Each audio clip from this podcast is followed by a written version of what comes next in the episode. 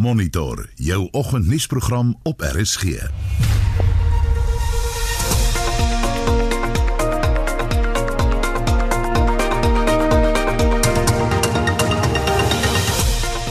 Welkom by Monitor. Ons saai die hele week uit hier van die Toyota Woordfees op Stellenbosch en ons geel karavane verhoog is langs die Kruiskerk voor die Kaya in Reineveldstraat. Kom gooi gerus se draai. Vlugte en verblyf is betaal deur die Universiteit van Stellenbosch sonder dat ons redaksionele beleid beïnvloed word. En volgens se program Suid-Afrikaanse medisy verlaat die land op strepe, meer oor die sluipmoordpoging op 'n Afrika leier, die Sasol woelinge, wat beteken dit vir jou en waarvoor lag sit Suid-Afrikaners bly ingeskakel vir die gesprek na 08:30. Goeiemôre, ek is Anita Visser. En ek is Gustaf Vreiding. Welkom by Monitor. Dis 16 minute oor 6 en die afgelope paar dae is daar 'n bloedbad op aandelebeurse oor die wêreld heen. 'n Oliehandelsoorlog tussen Saudi-Arabië en Rusland het die oliepryse na sy laagste vlak in dekades laat daal. Hier in Suid-Afrika word een van die JSE se grootste maatskappye, Sasol, direk hierdeur geraak. Ons praat met professor Andre Roo, hoof van die US Bestuurskool se programme in toekomsstudie en ook 'n dosent in ekonomie. Andre, goeiemôre. Dankie dat jy ingekom het na Monitor vanoggend. Môre Gustaf, môre almal. Verduidelik vir ons hoekom Sasol dan nou spesifiek so hard geslaan word deur hierdie jongste daling op die markte wêreldwyd. Gustav, ek dink 'n mens moet eers kyk na die storie agter die storie, uh naamlik die olieprys. 'n Baie interessante verwikkelinge daar. Uh begin van die jaar was die olieprys almal by 69 dollar per vat. Maar met die met die toename in die vrese oor die koronavirus het die prys stelselmatig gedaal tot omtrent 50 dollar 'n week gelede. Saudi-Arabië saam met Rusland uh een van die twee grootste produsente van olie het voorgestel vir verlede week dat al die groot produsente in die Opel lande moet die produksie sny om om om om die prys op te stoot. Want ons moontlikheid dat hierdie jaar uh die die olieprys vir die eerste keer in jaar, nie die oliepryse nie, maar die vraag na olie vir die eerste keer in jare gaan daal. So dit was Saudi se voorstel. Uh Rusland het besluit nee, hy wil nie dit doen nie. Uh hy weier om deel te neem aan die speletjie en toe het Saudi gesê in daai geval gaan ons 'n prysoorlog verklaar. Ons gaan die prys verlaag en maandag tot so laag as 33 32 dollar. Hy het 'n bietjie herstel tot om en by 38 dollar. Maar ehm um, dit het die uit die aard van die saak groot ontwrigting veroorsaak op alle markte. Nou voor ons by Sasol uitkom, hmm. moet 'n mens wonder hoe lank hierdie speletjie kan aanhou. Uh dit gaan uh 'n uh, stryd wees tussen Saudi-Arabië wat sy olie kan produseer teen om en by 2.80 dollar per vat uh teenoor Rusland wat baie meer diverse ekonomie het en dus minder afhanklik is uh, uh van olie. Um intussen het Saudi aangekondig dat hy in April maand die prys met 'n verdere 8 dollar wil laat daal. Uh as dinge so aangaan, dan is die moontlikheid van 'n 25 dollar per vat olieprys glad nie onmoontlik nie in watter geval Rusland in die moeilikheid is. Intussen uh, kan 'n mens begryp en verstaan hoekom dit alle olie uh, maatskappye van enige aard nadelig beïnvloed het. Byvoorbeeld, uh, Royal Dutch Shell en mm. BP het op maandag 32 miljard pond se waarde verloor op die effektebeurs. Uh Shell op sy eie het 'n vyfde van sy markwaarde verloor, BP 27%. Ons ons het gesien op maandag die vinnigste eendag daling in olieprys ooit. Uh soortgelyk aan 1981 met die Golf uh, sorry, 91 met die Golfoorlog. Mm -hmm. Nou kom ons na San uh, na na na Sassel, Sassel toe. Uh verlede April aandeleprys R480. Mm -hmm. Markwaarde, wel, dit maal 'n klompie. Mm, ja. Maar intussen 'n paar probleme by Sassel. 'n uh, 'n uh, 'n mislukte uh projek uh by Lake Charles in Amerika. Uh 200 miljard rand se mislukking. So stelselmatig was daar groot en groot bekommernis oor wat aangaan by Sasol. Uh Vrydag het Moody's om die bare te sê rommelstatus gegee aan aan aan Sasol se se se effekte. Voorals gebeur het. Ja, hmm. dit was al Vrydag. Hmm. Um dan uh, toe toe kom hierdie hierdie daling in die olieprys en daarmee saam die vraag na Sasol se aandele natuurlik in een gestort.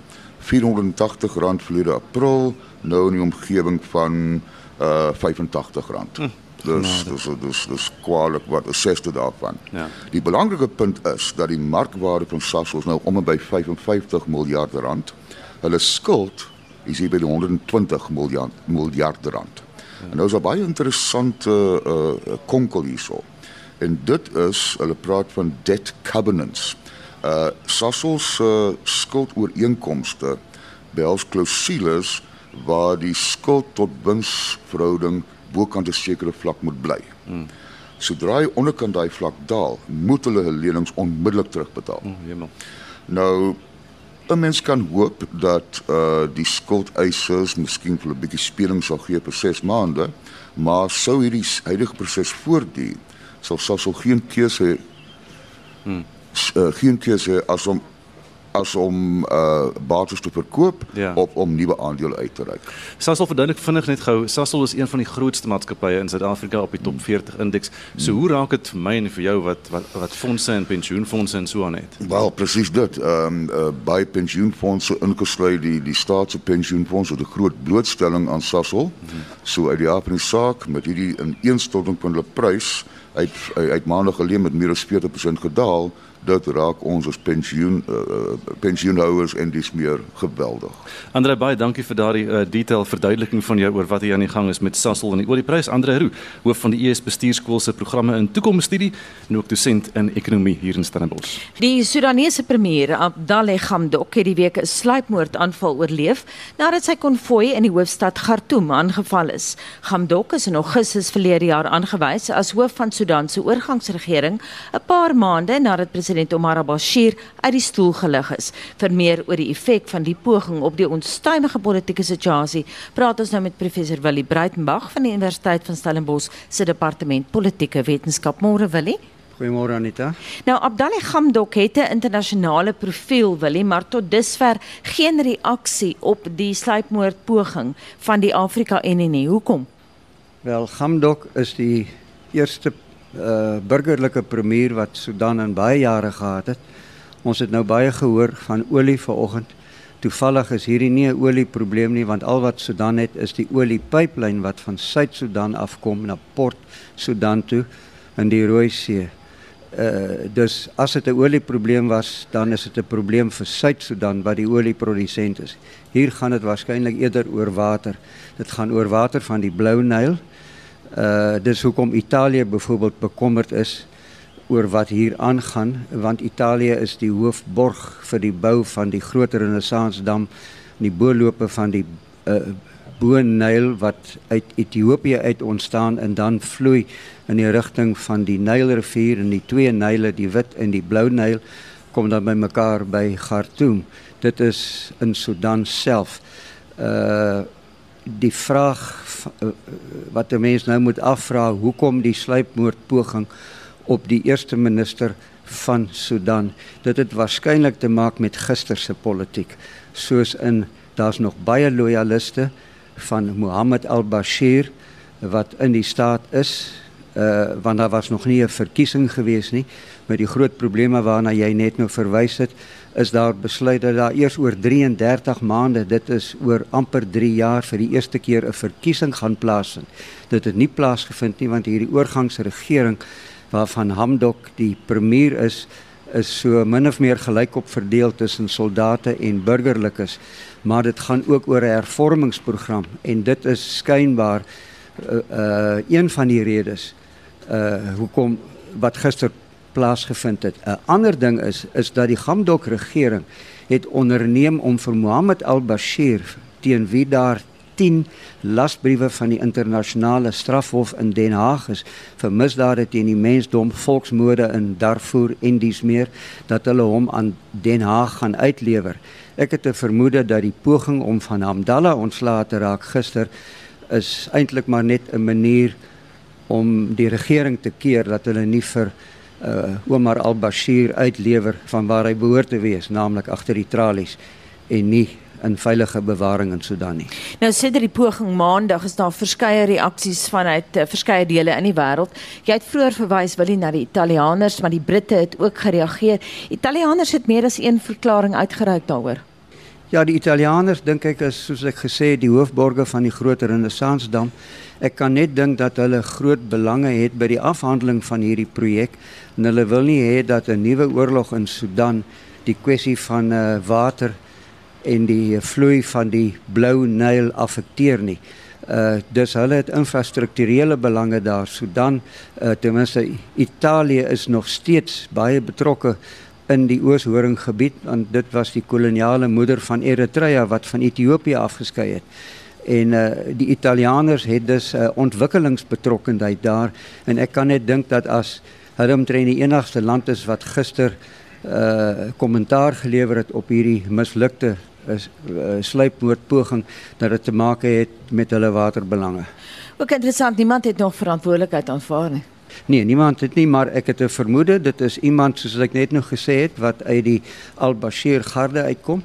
Uh maar meer spesifiek om te keer dat Omar al-Bashir uitgelewer word aan Den Haag want die uh Hamdok regering het aangekondig hulle werk aan planne om hom uit te lewer sodat hy reg tereg kan staan op die 10 aanklagtes uh by die internasionale strafhof wat baie ernstige uh aantuigings teen hom is en uh, ek het 'n vermoede dit is maar lede van sy belangegroep wat die regering die burgerlike regering se hervormingspoging en uitlewering van Omar al-Bashir dat hulle dit om uh, dit in die wiele wil ry.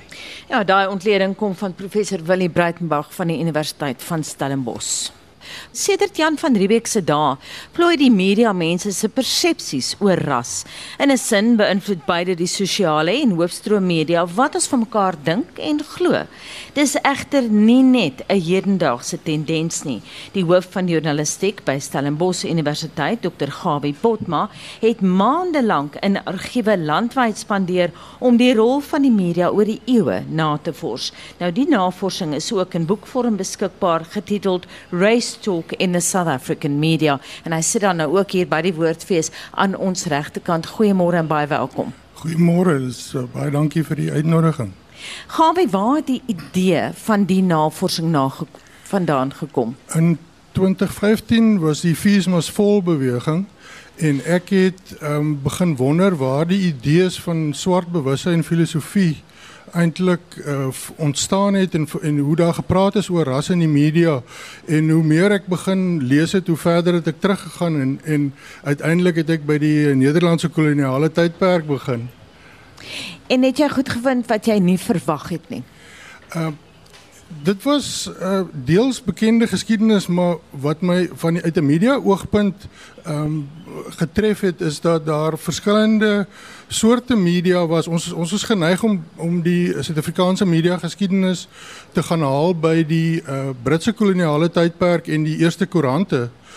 En um, wat ek uh, toe uh, vasgestel het is dat om te kyk na die uh, Nederlandse koloniale tydperk, na ou uh, briewe, na die dagregisters, na die reisverhale, um, is daar in daai eerste 150 jaar alreeds baie oor geskryf en gepraat oor ras. Natuurlik die hele kwessie van slawerny die vrystelling van slawe in uh, 1834 ehm um, so daar daar was so baie wat 'n mens uit 'n media oogpunt kon ontdek uh, wat miskien nie altyd in spesifiek media geskiedenis na vore kom nie.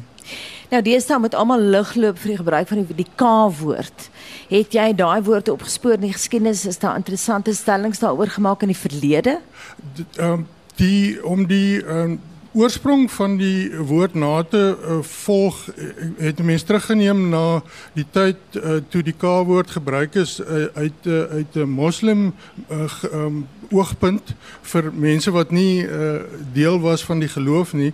En ehm um, so het deur die jare uh, verskillende ehm um, uh, forme aangeneem tot waar ons vandag natuurlik uh, is waar dit uh, deur wet ehm um, verbied word maar die interessante ding natuurlik wat mense ook soms vergeet dat gedurende apartheid was daar ook 'n wetgewing om dit ehm um, te verbied hoewel dit miskien nie altyd met dieselfde mate van ywer um, toegepas is as wat vandag die geval is nie. Dis baie interessant tydens apartheid. Tydens apartheid was die die uh wet alreeds in werking dat jy nie die K-woord moet gebruik nie en mense is vervolg daarvoor en gestraf um in die 1970s maar ehm um, dit uh soos ek sê die strawwe was nie altyd konsekwent hoog of nie naaste by so ehm um, as wat dit vandag is nie. Die rol van die sosiale media dinge het baie verander en veral op Twitter spoel mense hulle monde verskriklik uit. Watter rol speel dit in hierdie groter debat?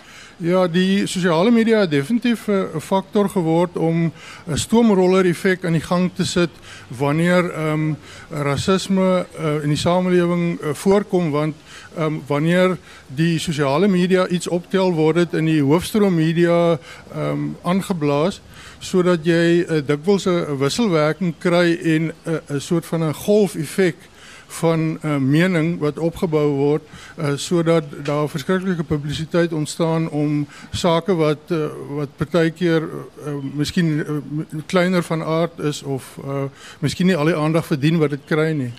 Ons praat ver oggend met Dr. Gawie Botma. Hy is hoof van journalistiek by Stellenbosch Universiteit. Ons is dan ook hier tydens die woordfees. Gawie, dalk net 'n uh, laaste vraag. Ek wil tog by jou weet, het die debat verander oor ras oor die jare? Sê miskien die afgelope 10 jaar.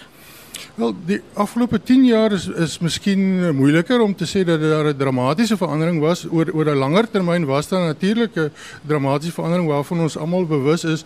Die maar ek dink die die ons is nog besig om die uh, invloed en rol van sosiale media te pyl en um eintlik uh, tot verhaal te kom met met hierdie nuwe verwikkeling en hoe ons dit uh, tot voordeel kan aanwend vir kommunikasie. Uh, uh, op die oomblik is dit uh, maar 'n tweesnydende swaard. William Bird van Media Monitoring Africa het al vir my in 'n onderhoud gesê saam met Max de Pre dat die media buitensporig te veel aandag gee aan van die rassistiese uitmerkings wat byvoorbeeld gemaak word deur sekere verlingse partye, ek dink nou aan die EFF en so aan en dat die media te veel aandag aan daai uitsprake gee. As 'n journalistieke kenner, stem jy saam? Ehm um, dit is moeilik om te sê dat dit te veel is, veral as jy kyk na die uh, in die geskiedenis na hoe rasisme altyd ehm um, en die gebruik van die K-woord spesifiek hoe sensitief dit was al van sedert die koloniale tydperke, maar hoe sommige mense ehm um, eenvoudig net uh, voortgegaan het om om dit te gebruik ondanks die groot uh, afkeer en ek uh, wat interessant was uit die historiese bronne is om te sien um, hoe baie swart mense al reeds in die koloniale tydperk hulle uh, ontevredenheid te kenne gegee het en uh, dit dat dikwels geïgnoreer is um, en in die apartheid tyd nie uh, werklik met oorgawe ge, uh, uh, ge patrol hoe sal ek sê ge um, wat is die woord wat ek soek? Geproduseer is nie ja.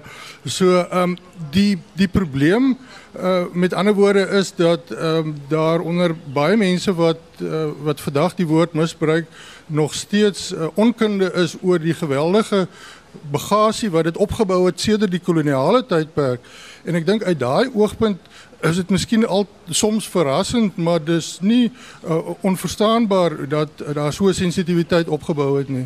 Baie dankie en daai mening kom kom van Dr. Gawie Botma wat maande lank in argiewe landwyd gespandeer het om die rol van die media oor die eeue na te vors. Dis nou 13 minute voor 7 jy luister na Monitor op RSG vanoggend hier van 'n koel cool woordfees op Stellenbosch en graad 1 is nie reg vir skool nie.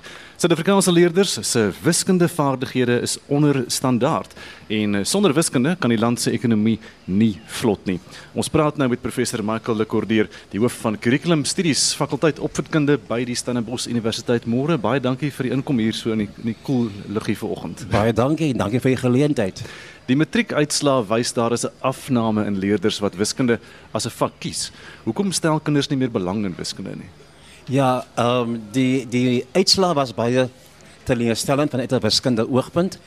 Uh meer as 14000 matrikulante het vanjaar minder wiskunde as vak uh aangebied. En dit moet ons almal begin bekommer en ons sal net moet daaroor uitwy. Uh hoekom hulle nie meer daarin belangstel nie? Ek het 'n vermoede dit het te maak met die geweldige klem wat ons geplaas op goeie matriekuitslae en en ons sien dat baie studente nou gaan vir die sogenaamde maklike opsie van wiskundige geletterdheid. Maar die feit van die saak is dat uh wiskunde is nodig. Wiskunde is nodig vir 'n kind se holistiese ontwikkeling En as ons ons ideale in hierdie land wil verwesenlik, dan sal ons meer aandag moet gee aan wiskunde en spesifiek wiskunde onderrig in veral die die grondslagfase. Maar Nou, daar is baie wat wel wiskunde neem wat dit ook nie slaag nie. Hoekom slaag hulle deesdae nie meer die wiskunde nie? Ek dink dit het- ja, dit het te maak met die wyse waarop wiskunde uh, onderrig word en dit het ook baie te maak met die negatiewe persepsies wat by kinders tuis gelê word vanaf 'n baie klein ouderdom. En as 'n mens hierdie uh probleem wil oorkom, sal ons moet begin by die heel kleintjies. Ons sal moet begin in die grondslagfase want soos die fase aandui, die naam aandui, word die grondslag daar gelê vir toekomstige ontwikkeling. En ons moet wegkom van die idee om vir kinders te laat verstaan dat wiskunde is 'n baie moeilike vak bloot omdat ons as, as volwassenes met wiskunde gesukkel het. Wiskunde kan aangenaam wees. Dit kan lekker wees. Uh dit hulle kan dit in in in die in die laer klasse op op 'n speel speelwyse aanleer. En ons moet begin om minder Levi jeans vir kinders te koop en meer wiskundige speelgoed. Hulle moet speel, hulle moet die verskillende forme kan voel. Die verskil kan agterkom van blokkies en sirkels. Wat is vierkantig en wat is uh, langwerpig en rond? En op hierdie speelse wyse begin hulle die vaardighede ontwikkel vir oog en handkoördinasie en hulle begin om reekse en rye te herken en die verskillende fasette wat later vir hulle in die wiskunde klas van baie waarde gaan wees. So hulle is uh, baie mense, baie van die kinders is bang dan vir wiskunde. Hulle het 'n vrees vir hierdie vir die ding hierdie hierdie berg wat voor hulle lê. Hoe belangrik is dit om 'n goeie onderwyser te hê? Baie baie belangrik. 'n goeie onderwyser kan die wêreld se verskil maak. Kinders is angstig en ongelukkig word daardie angs aan kinders oorgedra deur volwassenes. Die ouers wat wel uh wat nie kan wag dat hulle kinders moet goed doen nie. Ouers moet meer geduldig wees en kinders kans gee om op 'n natuurlike wyse te ontwikkel. Laat hulle speel en laat hulle eers speel speel hierdie wiskunde probleem en hierdie vrees begin oorkom. Onderwysers moet minder vir kinders sê dat hierdie is 'n moeilike vak en jy moet elke dag begin leer. Sê vir die kind, die is 'n baie lekker vak. Hierdie vak gaan vir jou in staat stel om eendag uh enige iets te kan doen wat jy kan wil doen in ons samelewing. En syfers is is is rondom ons. Van die dag dat kind gebore is, moet jy met sy ID-nommer onthou. As hy skool toe gaan, het jy 'n studentenommer. As hy gaan geld trek by die autobank, is jy 'n pin insleutel. En syfers is almal werk met syfers. As ons na die JSE luister, dan hoor ons die goudprys is op met 5%. Wat beteken dit vir die, vir vir ons land? En iemand wat dit nie verstaan nie, is uitgesluit van die land se ekonomie en gaan op die ou einde nie uh, belangstel in ons land se ekonomie en die toekoms van ons land nie. Maar ek wil een punt maak wat baie belangrik is. Ons president sê in elke toespraak dat ons maak gereed vir die 4de industriële revolusie. Nou, deel van daai plan is dat ons kinders moet wiskunde neem en dit slaag. As op die oomblik is dit nie die geval nie. Dit beteken ons plaas hierdie nuwe vakke van robotika en kodering en die vierde revolusie is buite die bereik van die meeste kinders. As ons nie gaan aandag gee aan wiskunde nie, gaan hierdie mooi ideaal net 'n ideaal bly. So ons sal moet gaan kyk na wiskunde onderrig en ons wiskunde onderwysers moet ook begin ontspan en en en vir kinders laat ontspan en laat verstaan dat wiskunde kan iets baie aangenaam wees. Is dit moontlik om te bepaal of te skat hoe groot wiskunde se invloed is op die ekonomie van 'n land? Enorm. Jy weet, uh wiskunde is so geweldig belangrik vir 'n land se ekonomie. Want uh as as ons nie wiskunde as 'n vak omhels nie, kan ons ekonomie eenvoudig nie groei nie. Ons het nie uh mense wat kan skepend dink nie. Wiskunde help jou ook om kreatief te dink. Dit skep werksgeleenthede en dit help ons jong mense om probleme te kan oplos. Jy word gekonfronteer met 'n probleem, dan moet jy die probleem analiseer en identifiseer. dan moet jy vasstel wat is die beste benadering om die probleem op te los en dan moet jy die stappe volg om by die antwoord uit te kom. Jy kry meer punte vir die wiskundige stappe as vir die korrekte antwoord, want ons wil sien of jy wiskundig kan dink. As jy wiskundig kan dink, kan jy probleme oplos. En as jy as jy probleemoplossend kan dink, dan kan ons 'n verskil maak aan ons ekonomie, want dan kan jy dink aan nuwe werksgeleenthede. Jy sien 'n probleem en jy jy kry daarvoor 'n oplossing. Eenvoudige voorbeeld. Stellenbosch sukkel met parkering. Hmm. By die woordfees. Wat het ons nodig? Ons het 'n pendel 'n diens nodig vanaf punt A na punt B. Hoe het ek hier gekom vanoggend by hierdie ateljee? Hmm. Want ek moes my kar baie ver gaan parkeer. 'n Pendel, die iemand het 'n idee gehad. Ek gaan met my bussie mense oplaai, punt A begin en by punt B aflaai. Hy het 'n probleem gesien, dit geïdentifiseer. Hy kom met 'n oplossing en hy skep werk. En so help dit ons ekonomie. Selfs in die klein in die klein dingetjies ja. In die klein op begin op 'n klein skaal. Ja. Nou verlede jaar 91000 leerders het verlede jaar graad 1 gedryp. Wat kon so iets veroorsaak het? Daar is 'n magdom van faktore. Uh ek is eintlik verbaas dat mense verbaas is dat so baie hmm. kinders in graad 1 dryp. As ons kyk na ons omstandighede, die vernaamste rede uh hiervoor is dat die kind is eenvoudig nie skool gereed nie. Ons het hopeloos te min voorskoolse instansies in ons land. Net een uit elke 10 kinders het toegang tot 'n voorskoolse fasiliteit.